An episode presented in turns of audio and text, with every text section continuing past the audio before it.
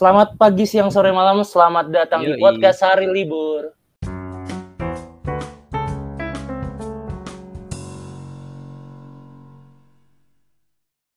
Mungkin seperti biasa Pak, kita bisa cek suara dulu Pak, cek suara. Mantap, mantap, mantap.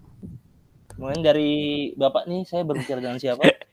Ya, seperti biasa, eh, it's your boy Salmar Kano.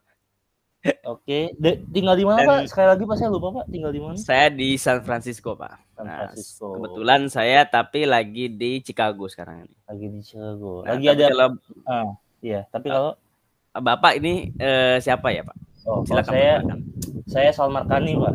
Salmar Khan nih. Ya, saya sekarang Bapak lagi sekarang di mana ini Pak, eh, saya di US juga tuh Mas. Sekarang lagi di ini kebetulan lagi di Pantai Gading Pak.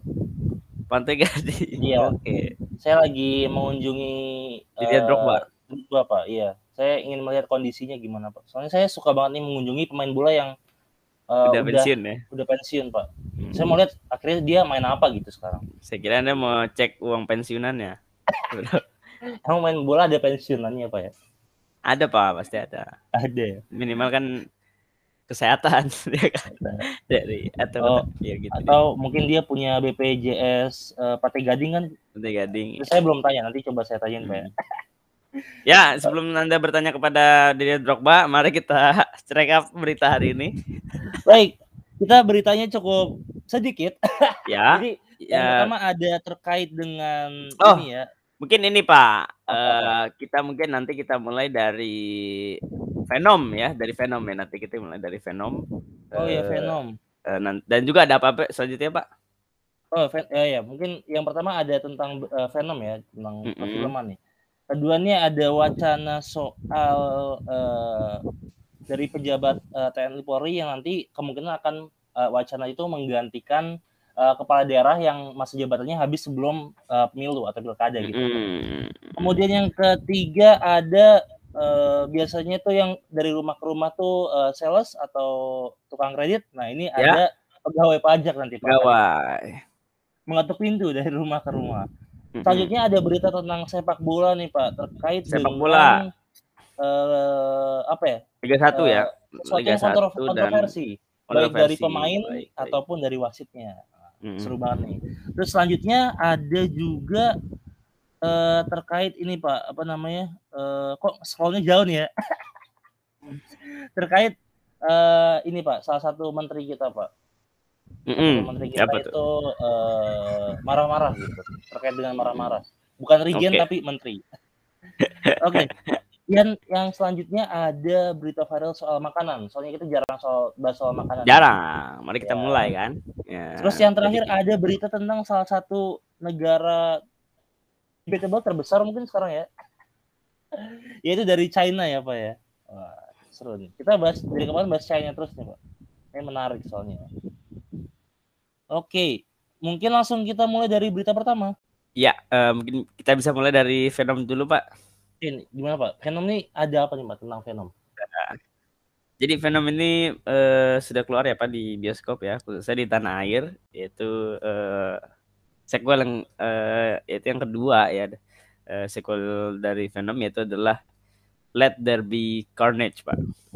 Iya betul. betul. Kira-kira di Jadi, sini yang menarik apa nih Pak? ini? Yang menarik tentu kita melihat ada Carnage ya Pak. Jadi karakter yang klasik di eh, apa di Sony ya. Iya. Ya, itu adalah eh, sejenis Venom tapi eh dia jenis jenis sama tapi dengan tingkat kebuasan yang berbeda Pak gitu. Hmm, ya. ya. Itu sih. Jadi eh, di sini tuh eh, yang ingin kita lihat nanti stance Venom gimana ya? Kan dia kita kenal sebagai villain tadinya. ya. Apakah di sini dengan adanya Carnage ini yang dia lebih ganas ya, lebih brutal segala macam. Terus sementara eh, Venom ini yang eh, berada di tubuh salah satu aktornya itu Tom Hardy ya kalau nggak salah namanya. Dia tuh udah mulai coba dijinakan Pak ya. Mhm. Nanti apakah di sini dalam perspektif film ini Venom akan menjadi villain atau akan menjadi hero Pak di sini? Karena akan menyelamatkan eh, Iya. masyarakat mungkin nanti akan diserang oleh Carnage gitu ya. Ya, betul. Can wait to see Venom sih soalnya eh, menarik juga sih nanti melihat eh, terlepas dari pertarungannya tapi dilihat dari Venom sendiri bakal kayak gimana gitu ya. Oke, mungkin Ya, ada lagi nggak? Jadi kenapa nih kita ah tonton nih Venom karena kayaknya seru dia atau apa gitu. ya karena ada ini Pak, ada ada spekulasi Ada Ya, spekulasi. spekulasi di mana eh, ada kemungkinan Venom ini ada kaitannya dengan eh, apa ya? Mungkin ini ini masih spekulasi tapi ya bisa jadi Venom bergabung ke Marvel Studio gitu loh Pak. Ah, Gitu. oke, Ada jadi ada ada ada spekulasi. Nah, ini yang cukup menarik bahwa spekulasi yang beredar di eh, masyarakat juga di, di penggemar Iya ya di pengembangan terkait eh, Venom ini ya, apakah dia akan masuk ke Marvel Studio Nah, atau jadi tidak? penayangan perdana di eh, US gitu ya. Iya. Itu sempat membocorkan, Pak. Hmm. Sempat memberikan leaks bahwa akan ada kejutan nanti di Venom 2 dan ada kaitannya juga dengan karakter di Marvel Studio gitu kira-kira. Oke. Emang Ya. eh, apa yang kaitan sama Marvel nih emang dia suka ngasih leaks-leaks yang quote unquote disengaja ya, walaupun dia ngakunya itu dibocorin nggak sengaja gitu ya. Ini emang ciri khasnya dia Betul, banget ya, biar iya. penontonnya penasaran ya. Sama kayak Spider-Man kemarin yang viral kan trailernya itu sama juga tuh. Emang kelakuan Marvel gitu ya. Selain apa? Selain post kreditnya yang sering dia keluarin itu, nah ini salah satunya leaks yang dia keluarin. Oke, mungkin berita selanjutnya nih Pak, Eh, ada terkait eh, apa eh, Apa nih? jabatan kepala daerah Pak. Jadi eh, ini menyangkut Oh tentang iya. kalau dulu oke. kan ada namanya eh, dual fungsi ABRI Pak ya, di mana ABRI itu kan eh, Ya, angkatan ada. bersenjata Mm-mm. Republik RI, di mana sekarang udah di Soeharto eh, berarti ya? dipecah nih, ya ada TNI ada Eh, Polri or- orde di masa apa orde baru ya.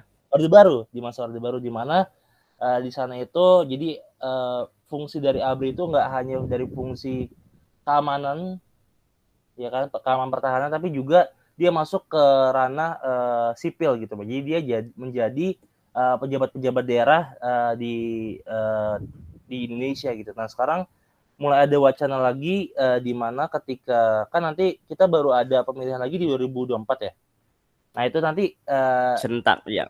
Iya betul. Di eh, apa antara waktu terse- tersebut apabila nanti pejabat daerah itu eh, sudah habis masa jabatannya, itu wacananya akan digantikan oleh eh, TNI dan juga Polri, Pak. Karena kalau mengingat kalau dari perspektifnya pemerintah itu adalah eh, cukup banyak juga eh, para petinggi TNI dan Polri itu yang apa ya eh, di jabatannya itu eh, tidak memiliki apa seperti kayak pasukan atau tugas yang spesifik gitu pak jadi kayak eh, akses akses dari eh, apa posisi di jabatan TNI Polri yang di tingkat atas gitu pak jadi ini ingin di- dialokasikan eh, nanti sebagai PLT atau eh, pengganti di eh, jabatan-jabatan di daerah gitu pak kalau menurut bapak nih gimana nih kan niatnya untuk eh, apa ya mungkin efisiensi ya untuk eh, ini juga ini ada yang eh, kalau dari perspektif pemerintah itu eh, pejabat eh, di kalangan TNI Polri itu ingin dialokasikan untuk mengisi jabatan-jabatan yang eh, kosong ketika pemerintahan daerah itu eh, belum waktunya pilkada gitu. Kalau menurut menurut Bapak gimana? Ya. Ya, eh, menurut saya eh, tentu yang pertama ini kan eh, adalah sebuah wacana ya. Jadi masih memang masih berada di masyarakat. Iya. Tentu kalau kita mengingat eh, ada TAP MPR ya yang melarang bahwa eh, TNI dan Polri itu ikut ke dalam eh, urusan pemerintahan gitu ya. Kita mengingat ada TAP MPR yang menyatakan hal tersebut. Nah, tapi tentu ini kan tentu pemerintah juga akan pastikan eh, memiliki eh, pertimbangan dalam menyusun eh, hal ini. Namun kita juga boleh dong sebagai rakyat kita berharap bahwa memang peraturan dijalankan sesuai apa adanya gitu kan. Jadi betul, memang betul. semua hal itu memang harus dijalankan sesuai aturan dan tidak terjadi eh, apa ya tidak tidak saling melanggar gitu loh. Kira-kira seperti itu pak kalau tanggapan Gitu saya. Mungkin terlepas dari nanti dampak atau konsekuensinya akan gimana, kita balik lagi harus taat ke peraturan perundang-undangan yang berlaku ya Pak ya. Mungkin eh, ini mungkin saya bacakan sedikit ya beritanya ini dari CNN uh, pemerintah melalui Kementerian Dalam Negeri atau Kementerian Negeri membuka peluang bagi perwira tinggi TNI dan Polri untuk menduduki kursi pejabat atau PJ kepala daerah di tahun 2022 mendatang di 271 daerah. Wacana itu berkembang merujuk pada peralihan kepemimpinan menuju prosesi Pilkada 2024. Bagi daerah yang masa jabatan gubernurnya habis pada tahun 2002 atau 2000 dan 2023 akan dipimpin pejabat kepala daerah. Ketua Bidang Advokasi Yayasan Lembaga Bantuan Hukum atau YLBHI Muhammad Nur eh, Muhammad Istur menilai wacana penempatan perwira aktif TNI atau Polri sebagai pejabat kepala daerah tahun 2022 nanti melanggar aturan UU tentang TNI, UU tentang Polri dan TAP MPR yang seperti Bapak tadi bilang ya. Wacana itu jelas melanggar apa yang diatur dalam ketetapan MPR nomor 6 tahun 2000 UU TNI dan UU Polri, kata Istur kepada CNN Indonesia. Istur juga menjelaskan bahwa MPR membuat TAP MPR nomor 6 tahun 2002 tentang pemisahan TNI dan Polri agar mengatur TNI dan Polri untuk tidak uh, bercampur ta uh, menghentikan campur tangan dalam urusan pemerintahan. Ya gitu Pak. Mungkin di lain nanti yeah. uh, ada ada konflik of interest nih. Di satu sisi kan TNI Polri itu memegang terkait dengan keamanan dan pertahanan, tapi uh, ya. kalau dalam TAP MPR ini ingin dipisahkan agar ya udah uh, karena kan keaman pertahanan dan keamanan itu kan adalah apa ya adalah uh, public goods ya jadi apa namanya itu adalah hak dari seluruh warga negara. Nah takutnya mungkin kalau misalnya itu uh, menjadi pejabat tuh nantinya takutnya ada ada bias di situ pak. Karena uh, dia ada uh, minimal kepentingan terhadap daerah yang dia jabat mungkin gitu ya. Seperti itu sih. Ya jadi mungkin ya itu baik lagi. Ya, ya. lepas dari konsekuensinya mungkin kita berharap juga uh, mungkin tidak terjadi karena uh, terdahulu tuh sempat terjadi uh, apa uh, peristiwa yang membuat mungkin stigma di masyarakat ini berpikir bahwa yaudah dia nggak usah lagi ada namanya uh, campur tangan TNI Polri di uh, apa namanya pejabat kepala daerah yang sekarang. Mungkin karena pernah ada pengalaman dulu yang kurang baik. Tapi mungkin kalau misalnya sekarang hmm. ini kan masih okay. wacana ya mungkin nanti terjadi tapi nanti ada perbaikan atau segala macam yang mungkin nanti rasional kita kan juga nggak tahu ya jadi ini selama masih wacana kita akan pantau mm. terus nanti pada akhirnya nanti bakal jadi kayak gimana gitu ya yap ya ya intinya baik lagi iya betul intinya baik lagi jangan melanggar peraturan gitu aja ya. melanggar peraturan perundangan dan tap ya. MPR kalau di sini oke okay. ya. mungkin uh, udah ya bahas tentang tadi Polri-nya bukan apa-apa nih Pak, soalnya Bapak saya... jangan keringetan gitu dong. Sepertinya kok baru berita awal-awal Anda sudah pada ya ya. Ya kita ke yang selanjutnya, selanjutnya. Pak. Bridging coba Pak, bridging Pak dari sini ke topik selanjutnya nih Pak. Gimana Pak? Ya, ini kan e, kalau yang sebelumnya itu memang e, usaha dari pemerintah untuk misalnya kan e, apa mengisi kekosongan pemerintahan ya Pak ya. Betul. Ya, karena kalau ini mengisi kekosongan eh, penerimaan negara, Pak. Bukan bagus, kekosongan sih, tapi bagus. mengisi kekosongan selisih Betul. dari budget fiskal. Itu adalah pajak door to door, Pak. Wow. Jadi yang biasa door to door kan tukang kredit ya, Pak ya? Ini ada pegawai hmm. pajak, Pak, nanti ya? Ada. Tapi sebenarnya itu biasa ya, Pak. Door to door itu udah beberapa kali memang dilakukan. Hmm, iya. Yeah, yeah. Nah, cuma ini dilakukan kembali karena memang penerimaan serapan pajak kita masih lambat gitu pak uh, maksudnya uh, bisa di karena kan kita optimis lah ya bisa mencapai target tapi memang harus ada usaha lebih kira-kira seperti itu oke ini yang jadi menarik karena kan uh, mungkin apa yang kita tahu kan uh, self report ya kalau pajak itu pak ya mm-hmm. karena juga ya. kan uh, apa kalau dilihat dari biayanya yang harus dikeluarkan negara kalau nyamperin apa warga satu-satu dalam artian ini door to door ini kan kalau dilihat dari uh, apa dari segi kosnya itu cukup mahal ya Pak. Jadi mungkin ya. bisa dibaca dulu. Belum lagi kan virus corona ya Pak ya. Jadi ya. Uh, Direktur Jenderal Pajak Kementerian Keuangan mempunyai jurus baru nih. Waduh. Waduh. Kaki bunsin. dia udah apa ya? Kaki bunsin nih pakai kaki bunsin biar dia dapat ini Pak skill baru kan. Ya, untuk ya, mengoptimalkan ya. penerima negara. Nah, jadi itu adalah langsung terjun ke lapangan. Iya, iya. Jadi ini dilansir dari CNBC ya kan. Eh, langsung terjun ke lapangan untuk eh apa menemui wajib pajak wajib pajak yang memang tidak taat gitu ya eh yeah. yang akan dilakukan dalam waktu dekat yang itu uh, jurus door ini itu memang sudah direncanakan pada dasarnya sudah sejak awal direncanakan ya melalui terbitan surat edaran DJP Direktur Jenderal Pajak nomor SE 07 gitu ya PJ tahun 2020 Yep. tentang pengawasan dan pemeriksaan wajib pajak dalam rangka perluasan bisnis ya perluasan bisnis pajak pada 27 Februari 2020. Namun harus terganjal karena pandemi Covid yang masuk ke Indonesia pada Maret 2021. Kira-kira seperti itu, Pak. Ya jadi ya itu tadi Ya. ya bakal nyetronin warganya ya. Tuh. Ya. Ya, jadi kan pada dasarnya kan memang kita masih mengalami pandemi. Namun eh, perlahan memang cukup membaik ya Pak. Kita itu kalau dari positivity rate ya di Jakarta itu aja udah di bawah satu persen Pak, udah 0,77 persen. Yap, yap, yap. Jadi udah, udah hampir bebas gitu kan.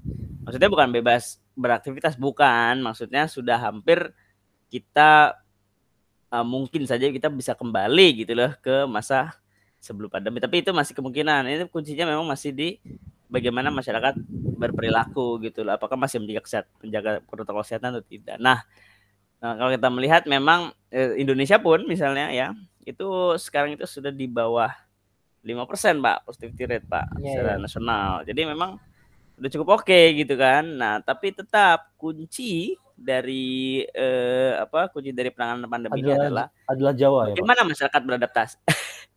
bagaimana masyarakat bisa beradaptasi gitu kan. Iya, dan, dan tetap menjaga protokol kesehatan itu ya itu. Iya kan karena ya ini Asik, kan apa salah satu langkah yang diambil karena memang kan kita sedang eh, kekurangan ya Pak ya, karena Ya. apa ya eh, hutangnya juga Kita- meningkat kan karena selama pandemi jadi memang dikejar juga dari sisi penerimaan pajaknya gitu ya. Eh Gitu. sebenarnya bukan hutangnya Pak ya, tapi eh, karena kita punya kebutuhan lebih.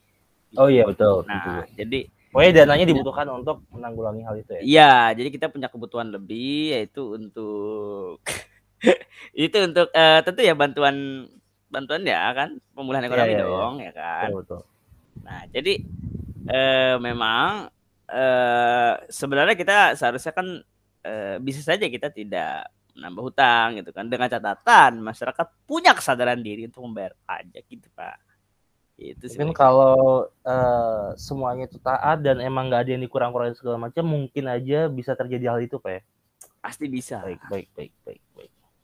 Selanjutnya kita langsung saja Pak. Aduh, karena sekarang gantian saya nih yang. Aduh. Aduh. Oke, selanjutnya mungkin ini agak lebih santai Pak karena tidak terkait dengan eh, apa? Tidak terkait dengan permasalahan, tapi ini lebih kepada evaluasi sih Pak kalau ini. Bukan jadi Betul, sebenarnya betul. bukan dan juga ini bukan masalah yang baru gitu loh Pak. Iya. Jadi sebenarnya ya tidak tidak terlalu apa ya tidak terlalu eh, mengkhawatirkan lah, tapi tetap bisa diperbaiki. Itu adalah berita dari eh, eh, sepak bola atau Nah, berita mungkin- dari olahraga gitu Iya ya. kan tadi eh, kita tuh mengisi Oh, silakan, silakan, kekosongan mengisi kekosongan kas negara Pak ya untuk dari segi penerimaan ya. Bukan Nah. maksudnya ngisi kekosongan Oh, mengisi kekosongan untuk selisih dari selisih fiskal. dari untuk data penanggulangan segala macam ya. Iya. Nah, kalau yang ini tuh mengisi waktu warganya Pak. Jadi ini adalah salah satu hiburan dari dunia Betul. sepak bola Pak.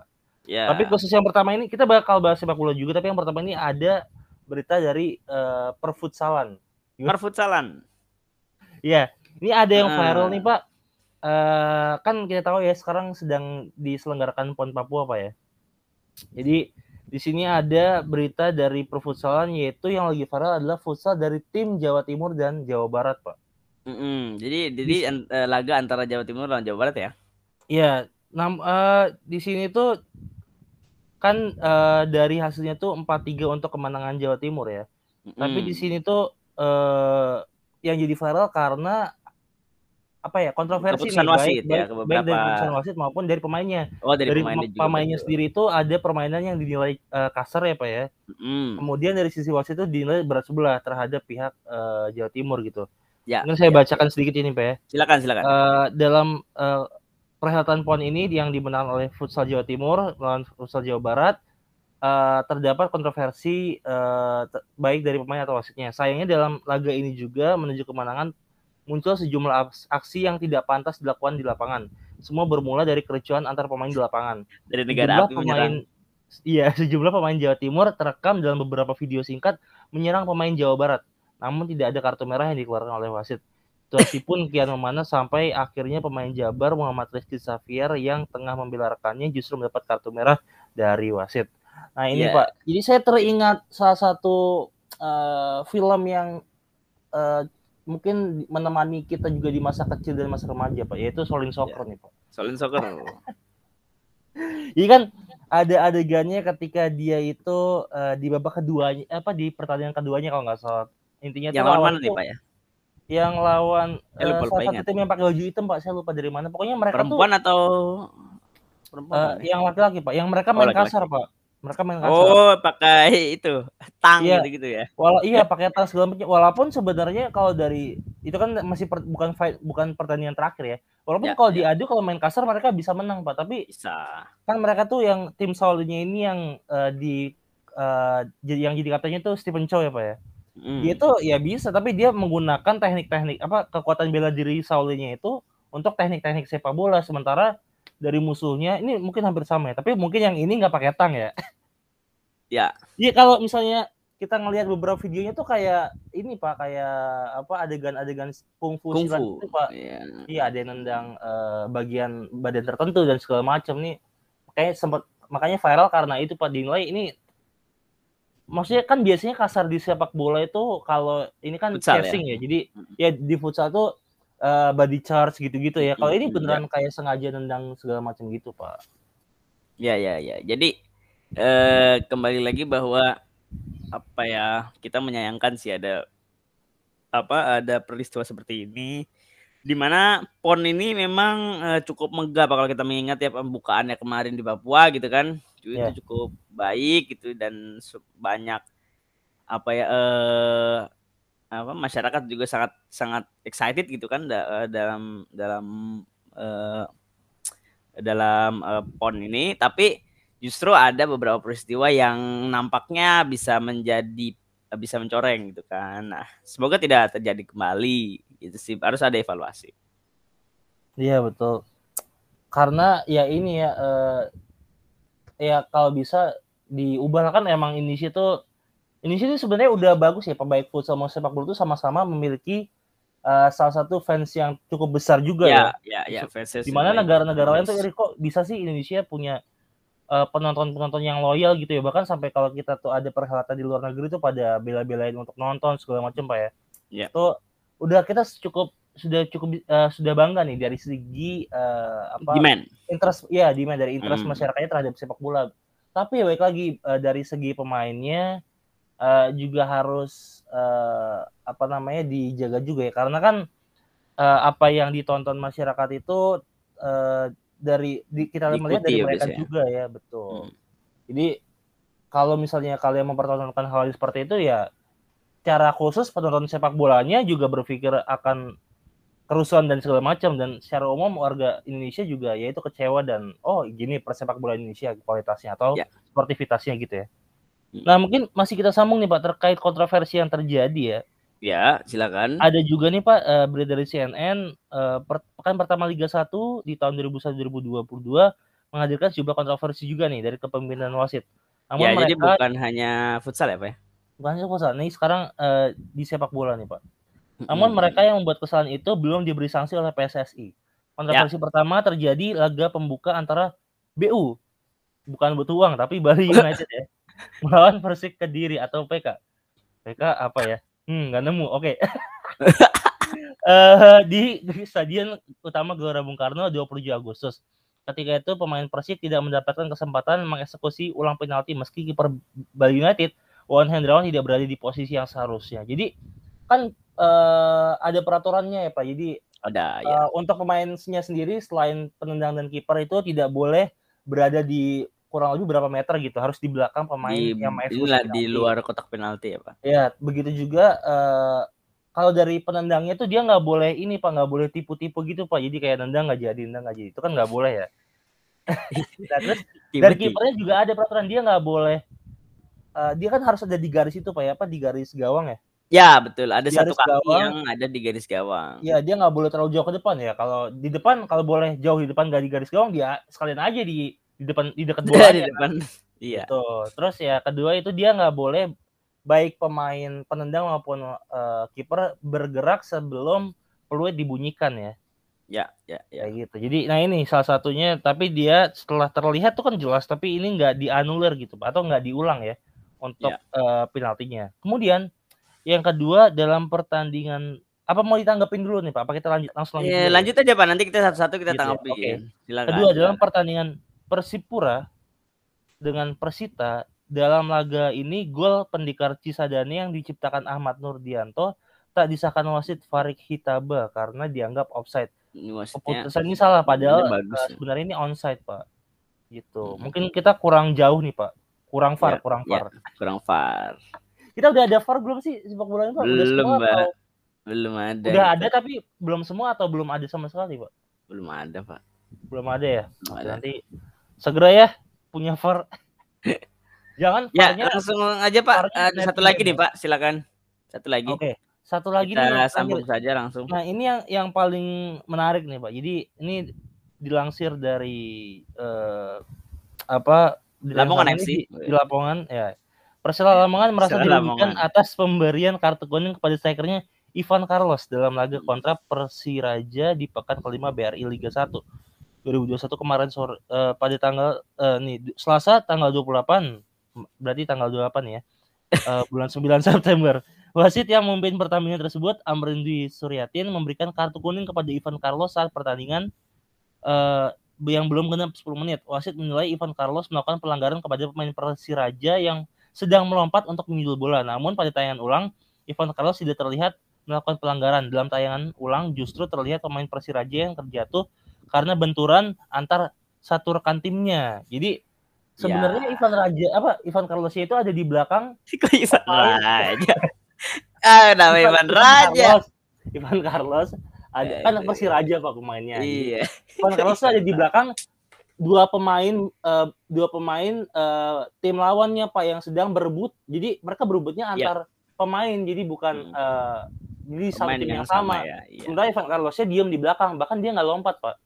Jadi Iya. mungkin ini antara pertama wasitnya itu angle-nya itu ngelihatnya apa ngelihat si Ivan Carlosnya ini yang melakukan benturan nggak kelihatan dari belakang dikira ikut lompat atau kedua itu emang eh, apa wasitnya ini aja Pak blunder aja Pak total ya udah atau emang ketiga ada kemungkinan ada namanya kan dulu kita sempat ramai soal match fixing ya nah gitu-gitu kan Oh. itu itu terkait eh itu makanya kalau wasit melakukan kesalahan tuh harus ditinjau lagi Pak apakah ini pure human error atau dia jatuhnya terkait di match fixing gitu. Ya, yang pertama sih menurut saya Pak dari ketiga peristiwa tersebut PSSI harus eh, ini Pak harus bersikap. Jadi walaupun itu eh, pelanggaran ataupun bukaan dari wasit, eh, tapi perlu ada evaluasi dan ada hasil evaluasi yang dipublikasikan ke masyarakat gitu bahwa ya PSSI sudah melakukan pekerjaannya loh bahwa melakukan evaluasi gitu loh Pak, ya kan? Sehingga Iya, kan betul, betul. dari evaluasi-evaluasi itu minimal kita bisa punya pandangan bagaimana sepak bola Indonesia ini memperlakukan eh, wasitnya seperti apa, sistemnya juga seperti apa, dan juga eh, kita bisa benar-benar eh, mengapresiasi bahwa oh ternyata sistemnya sudah baik. Namun ternyata untuk evaluasi-evaluasi wasit tersebut memang masih belum eh, dijalankan, belum maksudnya belum ada gitu kan. Nah, jadi kan kalau kita eh, apa berpendapat misalnya oh ini kan habis eh, baru habis covid gitu kan baru habis pandemi jadi mungkin wasit juga masih belum terlalu eh, Iya. kembali ke performa terbaik ya jadi bukan punya bukan cuma pemain tapi juga wasit misalnya Betul. betul. boleh-boleh saja tapi tentu ada eh, evaluasi yang harus dilakukan dan memang harus dipublikasikan kepada masyarakat gitu Betul Itu sehingga karena kita nggak ada pikiran yang nggak enggak ya terhadap wasit ya. betul jadi supaya tidak ada spekulasi Betul, jadi betul.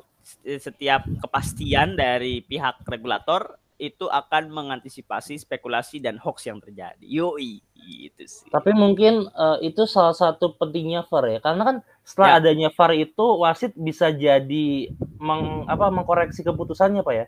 Iya betul betul betul betul. Betul. Jadi ini kalau kita kan sementara VAR-nya itu dari netizen yang nonton ya. Jadi Ya. nggak bisa langsung direvisi tuh Pak. Di- bisa, justru apalagi cuma bisa minta dikirim dari ke PSSI. nomor wasit atau ke Instagramnya wasit nggak bisa dong. Iya kan? Iya. Betul betul. Dicari Aduh. tuh Pak was- kalau di komen-komen dicari tuh IG wasitnya apa ya? Biasanya gitu kan. Iya. Netizen Indonesia menyerang gitu langsung kan. directly ke akun medsos dari yang berbuat salah. Waduh. Oke, Tapi kalau ngomong ngomong-ngomong ini sih. Pak, apa mungkin lanjut ya? Ya kalau Eh, kesalahan pekerjaan sebenarnya sih ya biasa aja sebenarnya. iya. Cuma tetap harus dievaluasi itu sih poinnya. Oke. Oke, Eh, ngomong-ngomong soal saja. ini Pak, ngomong-ngomong soal kesalahan, ada juga nih Pak yang katanya berbuat kesalahan nih Pak. Heeh, dan juga ini langsung nih dievaluasi, ya kan? Nah, itu. Kalau tadi kan dia nggak ada sikap. Nah, kalau ini langsung on the spot ya bersikap. Pak ya? On the spot ya Pak? Iya, namun sikapnya masih dipertanyakan apakah sudah Terlihat sesuai, berlebihan gitu ya. apakah tepat atau tidak. Itu adalah Oke. dari eh, ini Pak eh, dari Kementeri eh, apa Menteri Sosial kita yaitu Budisma Tri Risma Bu hari ini, Risma. Di mana eh, ada video gitu ya yang mem- ya, memperlihatkan yang viral di media sosial itu adalah eh, amarah dari Bu Risma gitu ya kepa, eh, kepada saat di Gorontalo gitu kan terkait dengan urusan data DTKS gitu. Jadi dalam video tersebut ya seperti dilansir oleh detik.com jadi awalnya seorang pria yang berdiri di sisi depan sebelah kanan di sisi depan sebelah kanan ya belakangnya Pak ya? jadi ada seorang pria ya Iya. kita bayangkan ya Ah, berdiri di sisi depan sebelah kanan oke Oke. jadi di sisi depan sebelah kanan oke Iya. berarti di, bilang aja di apa ya namanya apa Itu depan mana Pak? Depan SPBU apa depan mana Pak? Nah, makanya nih. Awalnya seorang pria yang berdiri di ya. sisi depan sebelah kanan Bu Risma. Nah, Oke, oke. Bu Risma depan sebelah kanan Bu Risma. Jadi serong, ya kan? Oke. Terlihat sedang berbicara. Waduh.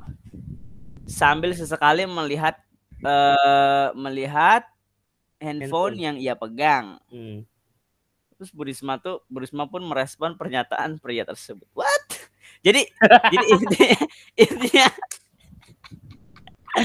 Dia dia tuh narasinya berusaha detail tapi nggak menjelaskan iya. spesifik juga ya. Enggak, jadi maksudnya gini, Pak, intinya Iya, iya. bahwa ada eh, ada lapor eh, ada beberapa eh, warga gitu ya yang memang terdaftar di DTKS namun ketika eh, dia itu tidak apa sudah dilaporkan yaitu memiliki saldo nol ya Pak ya. Dan Iya, iya. juga memang dari pihak eh, dari pihak apa eh eh, institusi di Gorontalo tersebut ya, institusi PKH tersebut dia justru eh, yang memotong gitu Pak. Yang datanya tuh yang dipotong justru dari bawah bukan dari atas. Nah, Bu Risma tuh marahnya eh, saya aja nggak berani ngapus-ngapus data gitu kan. Kenapa Anda berani gitu sih Pak kira-kira seperti itu. Nah, Oke. jadi dari marah-marah tersebut Pak. Jadi yang tadi Bapak bilang bahwa bukan Regen tapi dia marah-marah. Ya. Tapi karena dia bukan Regen. Iya kan? Maka Justru. ada orang yang nggak suka kalau dia marah-marah. Iya. Jadi kalau Regen boleh, selain Regen nggak boleh pak. Waduh. Nah, jadi ada gubernur nih, gubernur Gorontalo, bos ya, ya kan? Rusil, eh Rusil, Rusli, GG Pak, GG Pak. Iya. Rusil Habibi namanya Rusil ya. Eh, menyebut pegawai terse eh, apa eh, soal data tersebut gitu ya, yang jadi permasalahan itu program PKH itu eh, tentu eh, ini Pak. Jadi tidak tidak terlalu apa ya, ti- tidak inilah dia tidak setuju lah dengan perilaku yang di, di- ditujukan oleh Bu Risma gitu. Kenapa? Karena eh, nampaknya harus menjaga gitu Pak. Dia tuh berpendapat bahwa harus menjaga. Wala- Marah boleh, tapi tetap masih harus menjaga eh, apa sebagai pemimpin ya perilakunya juga akan dilihat dan dicontoh oleh orang yang dipimpin. Kira-kira seperti itu Iya, ya betul. dan dan bahkan menyampaikan bahwa Pak Jokowi diharapkan mengevaluasi gitu Pak. Iya, iya. Kira-kira seperti itu. Kalau saya adalah dari detik ya tadi ya gitu.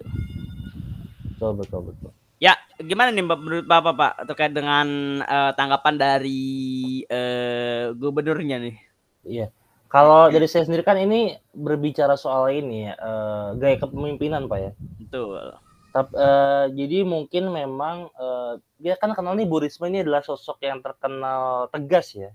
Ya, Jadi dia itu eh, pun dia sebelum menjabat menjadi mensos dulu di Jawa Timur ya di Surabaya itu dia emang terkenal orang yang eh, sering ter- terjun ke lapangan mm, bahkan mengomentari hal-hal teknis yang sejauh ini memang uh, ya itu dia benar itu adalah sebuah kesalahan gitu ya uh, atau adalah sesuatu ya. yang janggal yang patut dia uh, apa namanya dievaluasi gitu ya kayak contoh ya, dulu ya. tuh kan yang sempat viral dia tuh tentang kalau kita dari flashback ya dia tentang apa dulu ada uh, apa pro, sebuah promo dari salah satu brand es krim ya nah itu tamannya hmm. rusak diinjek-injek pak nah dia marah hmm, gitu. iya iya iya itu kan ya lapangan banget dan teknik teknikal banget ya. Terus terkait iya. juga soal kalau yang baru-baru ya. ini kemarin tuh tentang dapur umum yang soal pendistribusian makanan untuk uh, kalau nggak salah nakes dan pasien ya. Nah itu ada makanan hmm. yang apa ya kurang enak atau apa gitu. Terus dia marah masak telur aja nggak bisa gitu kan. Nah. Ya. Nah gitu-gitu. Jadi, Jadi mungkin uh, terkait yang ini juga mungkin ada benarnya tapi mungkin ya kan hmm. gini ya. Salah satu apa pun ya yang bersifat spesifik baik itu gaya kepemimpinan atau salah satu produk gitu contohnya kalau makanan tuh duren ya itu kan spesifik mm banget ya sama kayak Burisma ini adalah pemimpin yang uh, dibilang cukup apa ya cukup uh, ekstrim juga bukan ekstrim ya lebih ke arah spesifik dia emang nggak stylenya tegas gitu unik dia marah-marah yeah. pasti sesuatu yang spesifik itu banyak juga yang suka karena dia spesifik mm -hmm. jelas kayak gitu karakteristiknya yeah. tapi banyak juga orang-orang yang pasti nggak suka ya, pak gitu, gitu. Kan. tapi mungkin kalau menurut saya eh, ketegasan ini ataupun marah-marah ini eh, adalah hal yang wajar apabila kesalahannya itu uh, fatal atau berulang-ulang nih hal simpel salah berulang-ulang segala macam ya, Cuma mungkin ya, ya, ya. Uh, harus di ini lagi ya ditinjau lagi pemilihan katanya pak karena kalau kita tegas itu selama itu kata-katanya itu bersifat konstruktif nggak menyerang fisik pribadi segala macam sara segala macam itu ya menurut saya untuk style kepemimpinan oke-oke aja. Tapi kalau dia marah-marah udah mulai ngalor ngidul nih Pak, dia misalnya ngatain fisik orangnya dan segala macam gitu-gitu atau ada adanya ancaman nih Pak terhadap orangnya. Kamu bakal saya ini loh kalau itu. Nah, itu mungkin harus di uh, tinjau ulang nih Pak, harus dikoreksi lah, harus self introspeksi gitu. Hmm. Gitu sih kalau menurut saya, Pak. Ya, eh apa? Kalau menurut saya memang eh, yang pertama eh, kalau menurut saya Pak, jadi eh, yang tadi sudah Bapak sampaikan gitu ya, tentu saya juga setuju gitu ya bahwa memang eh, ya biasa kalau misalnya yang yang berbeda itu memang banyak yang men, uh, bisa jadi banyak yang mendukung, tapi juga bisa jadi juga banyak yang tidak mendukung gitu kan. Pro kontra memang uh, apalagi yang viral kan. Nah, tapi kalau kita mengingat Pak, ini saya saya teringat Pak flashback waktu pembuatan KTP kalau nggak salah Pak. Ingat ya Pak yang dia marah-marah oh, itu Pak? Yang di papan tulis itu ya? Nah, yang papan tulis ya menjadi oh, iya, iya. saksi tadi, hidup, saksi lupa buta. Saya, lupa saya sebutin itu tadi Pak. Nah, jadi di situ waktu itu kan uh, Bu Risma mengomentari bahwa uh, ada seorang ibu ya kan yang membawa anaknya lalu naik beca ya cukup jauh untuk uh, mengurus KTP tapi harus bolak-balik Pak Betul, betul. Jadi nggak langsung jadi gitu. Nah, Burisma bilang, "Ini orang makan dari mana? Dia kan ke sini nggak kerja, ya kan? Nah, dia nggak dapat duit tuh. Jadi bawa anaknya, belum dia bayar ongkos ke sini. Iya, nah, iya, Anda iya. suruh bolak-balik gitu. Yep. Gitu. Nah, itu menurut saya sih kalau kita melihat dari peristiwa itu ya, Pak ya. Menurut saya itu benar sekali gitu loh. Iya, betul, betul, betul. Jadi menurut saya besar kemungkinan Budisma ini punya alasan yang kuat. Gitu. Dari setiap tindakan yang ia lakukan kan. Iya. Yeah. Nah, tapi kalau dalam hal ini, ya, dalam hal ini memang kita masih nggak tahu nih Pak detailnya seperti apa ya. Karena memang eh, yang disampaikan ke masyarakat itu informasinya terbatas. Ya kan? Karena dari perkataan yang Budisma sampaikan sebenarnya tidak terlalu menjelaskan Pak seperti apa yeah. peristiwa yang terjadi. Jadi kita tidak boleh berspekulasi, tapi intinya adalah eh, kita harus concern yang pertama kan. Nah, maksudnya untuk apa? Untuk ya kita berharap sih semua dibuka apa permasalahan terjadi. Kalau misal contoh, misalnya ini data itu memang bisa dihapus dari bawah, kenapa tidak dibuat sistem supaya hanya orang atas saja yang yang bisa kan gitu kan? Yeah. Atau memang harus ada kriteria-kriteria tertentu yang memang dan juga ada pertanggungjawaban yang jelas. Tapi poinnya adalah tentu kita hanya bisa memberikan saran. Kita yeah. bukan orang yang paling tahu enggak dong, tentu kan. Kita kita nggak tahu. Tapi intinya kalau Kalau misalnya memang permasalahan seperti itu, mungkin itu adalah saran yang bisa kita berikan. Kira-kira seperti Iya, itu iya. Pak. Ya betul. Jadi mungkin eh, untuk beberapa kasus tadi yang udah disebutin itu kita tahu jelas eh, duduk perkaranya ya kan. Bahkan Ya. ada tadi kasus realnya tuh ya. Emang emang eh, bikin kesal juga tuh ya. Kadang nggak cuma bahkan nggak naik beca ya kita yang naik motor ke kelurahan aja kadang juga capek Hmm, kalau harus berulang-ulang. Panas. Iya. Yang paling parah panas sih biasanya sih. Aduh, Iya. apalagi di Bener tadi Francisco. poin dari Bapak Salmar apa Bapak Salmar ini Kano. ya. Tadi Salmar saya nyebut salah nyebut Pak. Takutnya nanti Bapak ngelaporin saya ke pencemaran nama baik kalau enggak dong. soal nyebutin nama. Enggak ya? Enggak, emang bener nama saya Salman Khan enggak apa-apa. Ya, oke. Mm. Nah, iya itu tadi eh, ada kemungkinan-kemungkinan yang udah disebutin tadi ya apakah Mm. eh, ternyata emang sistemnya masih kurang apa ya komplit seharusnya emang dari atas tuh bisa ninjau penghapusan data dari bawah atau emang seharusnya bisa dari bawah kita masih belum tahu ya Ya, ya. gitu. Mungkin Oke. kita next ke topik selanjutnya. Ya, Oke? masih ini masih agak agak berat tapi sekarang langsung berbanding terbalik. Ntar gue mikir dulu. Ah, ah. Oke.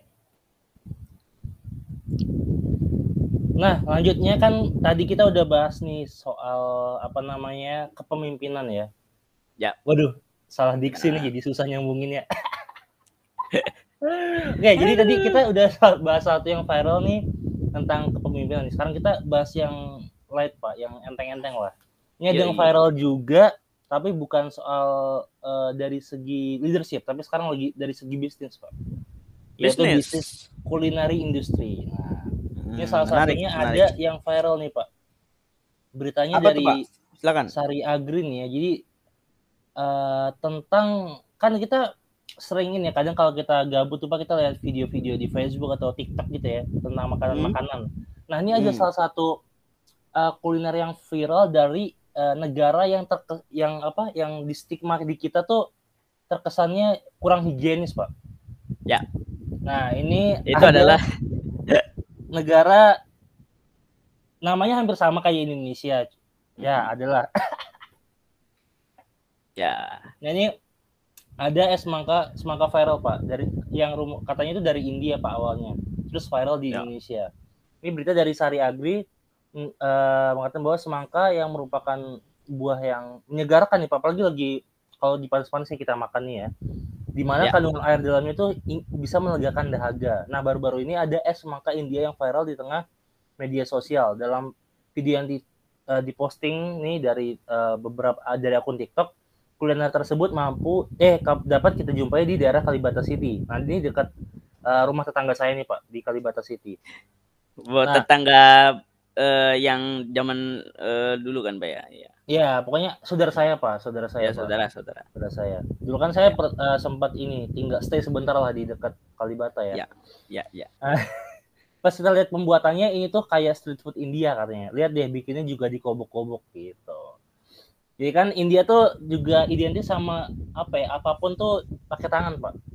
Eh, mulai Mm. dari ya makannya, mulai da- dari kalau misalnya dari vendor street foodnya itu dia eh, ngecop-cop bawang pakai tangan, nggak pakai sarung tangan tuh dulu ya apalagi. Tapi sekarang walaupun memang udah better ya, udah makin baik. Iya dong. Terus dia juga misalnya Bapak tahu salah satu makanan khasnya itu panipuri, Pak ya. dong. Jadi Hmm. ketika dia mencampur di salah satu wadah panjang lonjong gitu kayak eh, kayak wadah es krim es pompong ya pak ya, dia campurin kuah berserta rempah-rempahnya tuh dia masukin, dia dia cop pakai tangan, dia masukin pakai tangan juga, dan setelah itu dia masukkan tangannya ke dalam corong tersebut sampai setinggi siku dia pak, terus dia kobok pak, dia aduk, dia aduknya pakai tangan pak sampai siku.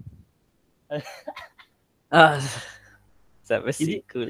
Jadi itu tuh eh, yang mungkin di kita sering lihatnya emang kayak gitu dan kebanyakan mungkin sampai sekarang udah masih kayak gitu walaupun Hmm. eh, udah beberapa saya lihat juga udah banyak yang eh, hygiene pak udah pakai sarung tangan, sarung tangan Ya. plastik atau bahkan dia eh, Sarung tangannya pasti tangan. Ya.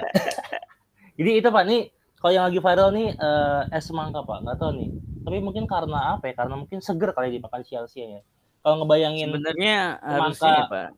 iya ya Kalau di luar negeri kan mungkin sudah masuk ke musim dingin, Pak. Karena kan udah Hmm. sam- udah mau akhir tahun kita nih. Tapi kalau di eh, memang ya tentu kita kan di Chicago kan tentu dong udara panas ya kan. Iya, iya.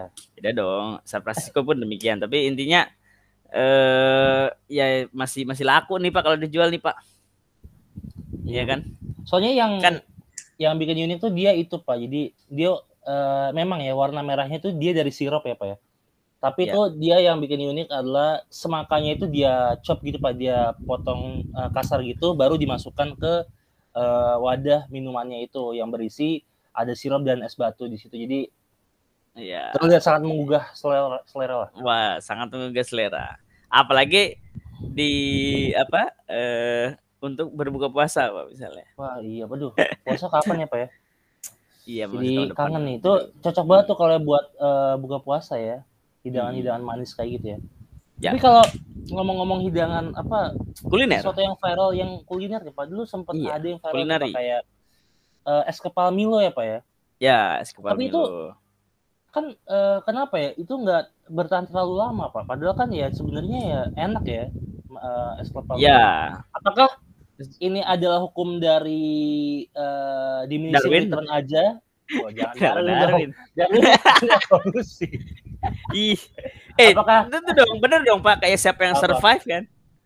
Kan Oh, tapi ini konteksnya survive. makanan gitu. konteksnya Iya. makanan. Oke. Enggak, sebenarnya saya cuma nyari cocokin aja sih.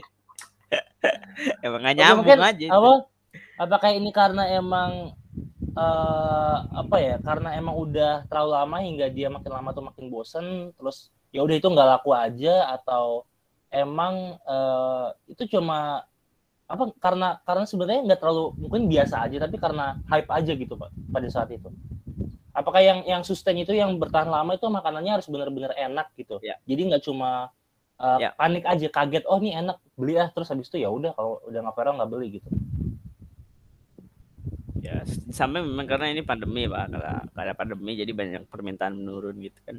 oke eh, mungkin terlepas dari itu deh pak eh, kayak terkendala. kita bahas ini aja apa apakah suatu makanan tuh kalau sempat viral terus ya udah kita dia viral aja nggak nggak long last gitu pak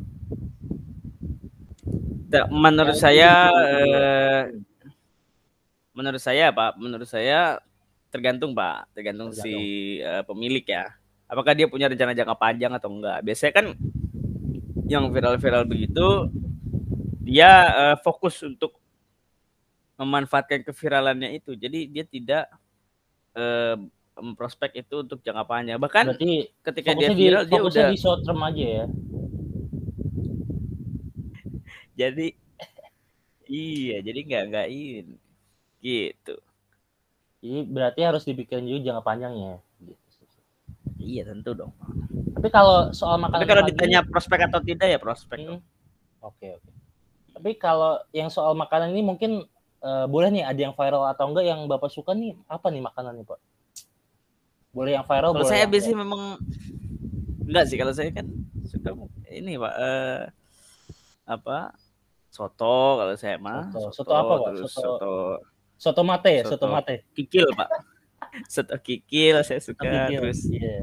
eh, apa saya suka juga gulai ya, Mulai.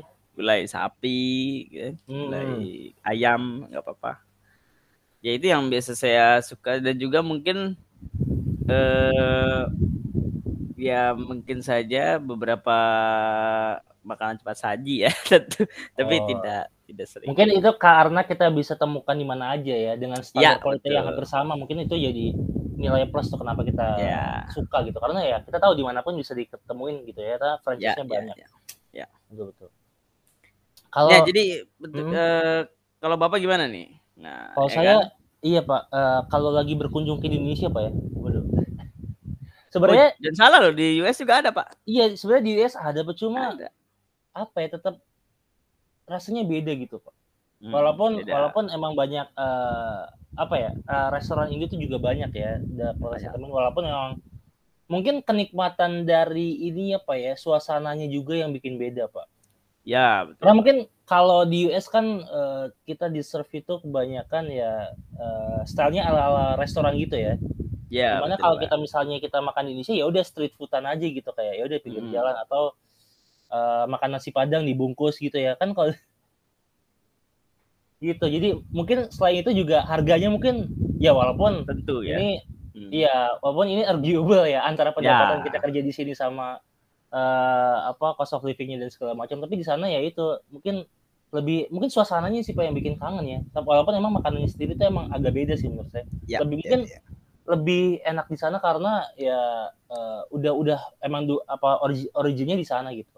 Ya, biasanya tapi tetap aja yang langka-langka itu yang atau mungkin Iya. momen-momen yang sudah terla- terlewat itu yang berharga biasanya gitu. Betul. Tapi cukup mengobati rasa rindu sih pak ya. Iya, betul. Oh, ka- karena kan sekarang lagi pandemi nih pak eh, susah nih buat Ya, eh, pulang segala macam ya. Ya, Saya ke Pantai Gading aja ini Pak emang ada surat khususnya Pak. iya, iya, iya, Pak, iya. Jadi ini ya Bureau of Eh ngomong-ngomong US, Pak. Ini kan Ya. kita, Bapak kalau mau ke Pantai Gading kan pakai visa tuh ya. Nah, Eh ini kemungkinan nggak bisa Bapak pulang di dalam beberapa waktu dekat ya. Eh, di akhir September, di akhir Desember nanti akhir tahun. Kenapa? Kemungkinan ada kemungkinan US government shutdown. Ada kemungkinan. ah iya Iya iya kan? iya. iya. Jadi memang harus eh, hati-hati Bapak kalau mau bikin bikin sekarang aja gitu kan. Karena nanti karena ini kan ada perpanjangan spending sampai 3 Desember kemungkinan besar. Jadi nanti setelah 3 Desember ya kita nggak tahu dis, ada apakah ada dispute kembali di eh, eh, apa di DPR maupun eh, Kongres gitu kan. Eh, bisa jadi ada potensi bahwa dia melakukan government shutdown. Kira-kira seperti itu Pak. Jadi Iya. kalau bisa sih eh, diantisipasi gitu. Mungkin ini saya share sedikit ya Pak, makanan khas dari Pantai Gading ya. Ya, ini menarik. Ya di sini Apa nih? ternyata Pak, di sini juga ma- makan makanannya itu Pak kayak Indonesia Pak. Ah, Ada Indonesia. singkong, ada banyak olahan singkong Pak di sini. Jadi ada namanya satu nih namanya atike. Atike itu salah satu makanan yang terbuat dari singkong. Jadi kalau kita kan biasanya singkong just direbus aja ya. Direbus Hmm. atau eh, dibuat keripik. Kalau di sini tuh singkongnya itu dibuat seperti buliran-buliran seperti nasi, Pak. Apa? Dan Di itu- roasting. Ya, ya boleh di roasting juga bisa, Di roasting. bisa. Nah, itu dia dibuat kayak nasi buliran-buliran gitu dan dimakan sama eh, bawang-bawangan, sambal dan ikan, Pak. Ya. Ini, ini oke, salah satu yang enak juga sih, Pak. Ya berarti kan nggak dibuat es krim kan? Enggak, itu kan Iya. salah satu TikToker Indonesia ya. Saya sempat lihat tuh, Pak. Apa-apa Plus dibuat duluan. es krim itu, Pak. Iya, nasi padang Aduh. dibuat es krim. HP Ya, dibuat. Ya, ya udah sih Rekam cuma es krim. cuma Iya, aneh aja ya kamu. Iya. Dan nanti es krim dibuat es krim. Nah, Nah, iya kan? Es krim rasa es krim ya. Nah, Hmm. bingung. Hmm, aduh. Ya oke mungkin lanjut nih Pak. Kita udah kenyang nih Pak bahas makanan. Iya, jadi Justru harusnya nah, kita jadi lapar ya. betul Pak, ngomong-ngomong makanan Pak. Nah, ini bridgingnya hebat banget nih. Coba Saya coba coba. tahu. Ngomong-ngomong makanan, saya mau tanya Bapak kalau makan lampunya mati, enak nggak makan? Eh, Listrik padam. Enggak enak. dong. Kecuali Nah, kecuali ini Pak kita lagi candlelight dinner Pak. Kan emang setnya. ya memang set seperti itu. Iya, Tapi kan iya. tentu kita butuh Nah, penerangan susah, cahaya Takutnya takutnya kita udah kita eh, makan. ngepal nasi Pak, masuknya bukan ke Hmm? mulut tapi ke mata Pak. Cek, cek. Waduh. Saya eh, justru takutnya bukannya kita ngepal nasi, malah ngepal Milo. Wah, Waduh ngepal Milo. Waduh. iya kan? Aduh, Nah, atau jadi- kita kita malah ngepalin tinju ya Pak ya. Waduh. Respect. Ya, jadi intinya, Pak, jokesnya intinya terlalu internal ya.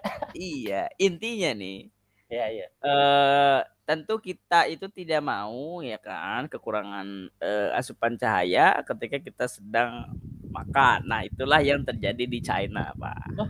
Gitu. Oh, Jadi China China kenapa, mengalami mengalami eh, shortage dari energi, shortage dari listrik yang pada dasarnya dialami oleh pabrik-pabrik ataupun perusahaan, tapi ternyata sampai merambat ke perumahan atau ke konsumsi listrik warga gitu. Jadi ada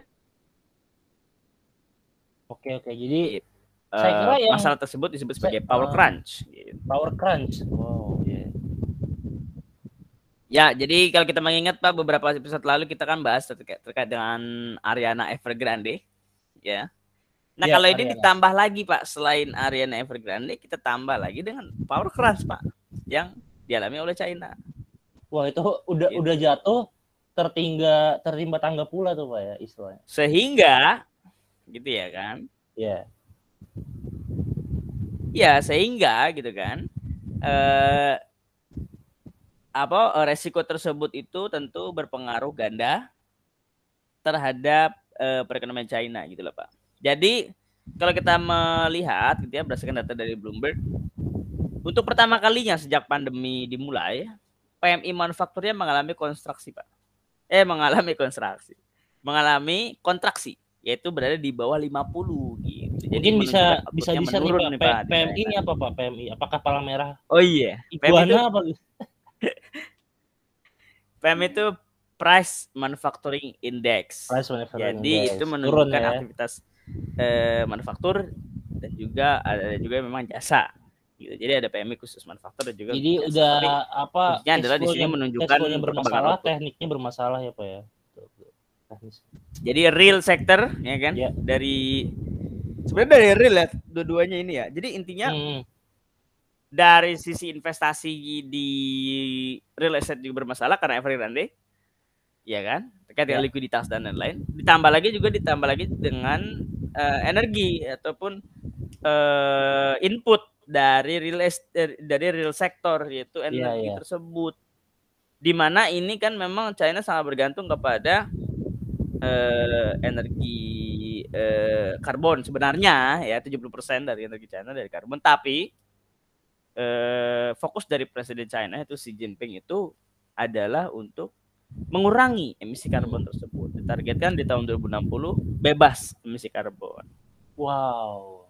Oleh sebab itu terpaksa ya karena terpaksa dia harus mengurangi eh, bahwa dari sisi penyedia itu mengurangilah eh, apa supply dari dari batu bara tersebut dan dan in, dan itu tidak tidak tidak menarik bagi investasi sehingga investasi juga kurang hmm. di, di industri tersebut sehingga supply-nya bermasalah, shortage. Gimana? Yeah, yeah. Tapi pada dasarnya demand-nya masih besar, Pak. Betul, gitu. karena niat, uh, terhambat kebijakan itu tadi ya. Betul, terhambat terhambat tadi fokus dari pemerintahan tersebut. Jadi pada dasarnya sekarang malam ini power, uh, power crunch uh, dan juga ada permasalahan dari Evergrande. Jadi diestimasikan ya menurut Bloomberg pertumbuhan ekonomi China berada di bawah 8%. Di bawah 8%. Ya, direvisi gitu yang sebelumnya sekitar uh, apa ya memang kisarannya ber, beragam ya. Kalau kita melihat dari IMF ya IMF di bulan Juli 2021 itu me, apa memperkirakan pertumbuhan ekonomi itu 8,1 persen. World Bank itu memperkirakan 8,5 persen dan juga OECD juga memperkirakan 8,5 EDB pun masih di atas 8,1 jadi itu 8,1 tapi karena ada uh, double whammy yaitu adalah dari uh, Power Crunch dan juga dari Evergrande maka diperkirakan ini tidak sesuai ekspektasi Pak. Jadi ada yeah. berada di bawah lebih rendah ya. Sebut. Iya betul. betul, betul. Nah, iya emang nih ya kalau uh, apa kalau Bapak Xi Jinping sudah bertitah tuh jatuhnya kun fayakun ya Pak ya untuk Waduh, negara China ya Pak. Iya Pak. Jadi dia sudah bersiap untuk untuk untuk pertumbuhan ekonomi yang lebih lebih lebih yang di yang direvisi menurun itu pak sudah bersiap. Iya betul betul betul. Karena itu konsekuensi dari kebijakan yang dilakukan. Walaupun sebenarnya uh, kalau dari apa uh, apa step-stepnya itu udah benar ya pak kan kalau misalnya uh, kalau mau kita beralih atau mengurangi itu kan dia perlahan-lahan pak. Sebenarnya udah benar ya cuma memang ketergantungannya cukup tinggi jadinya memang tinggi, uh, sangat betul. mempengaruhi ya. Ya. Oke oke ya. oke. Karena memang kalau kita mengingat untuk uh, substitusinya yaitu uh, natural gas juga memang harganya lagi naik, Pak. Mm, jadi Karena uh, permintaan di Europe, shortage betul, betul. shortage di UK gitu kan. Eh sorry, uh, di US, US ya? di US. Permintaan bahkan uh, kelangkaan yang ada di UK. Pak, tahu nggak Pak? Saya mau cerita lagi, Pak. Apa apa Di boleh, Inggris boleh. itu, Pak. Di Inggris itu, yeah. di UK. Itu ada banyak uh, kayak pom bensin ya hmm? bensin itu nggak ada isinya pak jadi kosong kelangkaan oh kelangkaan itu. iya nah kelangkaan energi nah eh, justru natural gas ya Shortage. tapi kalau nah, kalau kalau boleh tahu di Inggris ada Pertamina nggak pak Nah, itu dia tuh. Di Bloomberg diceritain nggak pak? Nggak ada ya? Nggak ada. Jadi itu menarik pak, tapi perlahan-lahan yeah. memang uh, pemerintah sudah mulai turun tangan dalam hal dalam hal tersebut. Gitu. Iya benar benar benar benar. Ya, itu ya juga uh, kemungkinan sudah memulih lah. Ya iya, sekarang bener. emang lagi permasalahan tuh komoditas pak di dunia ini pak. karena dari sisi supply uh, Oke. tidak tidak tidak sesuai dengan demand. Jadi demandnya masih di atas dari supply. Jadi ya berbahagialah Oke. bagi yang memiliki saham energi Nah, ya, saham-saham komoditas ya beberapa. Sedang naik. Senin Ya. harga naik. Ya. Ah. Ya, tapi Nah, ya mungkin ten- Eh, tentu ini ya, ya terus ada- saya kira saya kira ini pak yang kalau mati lampu tuh cuma di daerah-daerah terpencil aja pak. Ternyata tapi ada sebabnya China itu mat- eh, mati lampu ini eh karena itu karena ingin beralih ya. Hmm, ya ya ya. Mau nggak mau pak harus beralih gitu.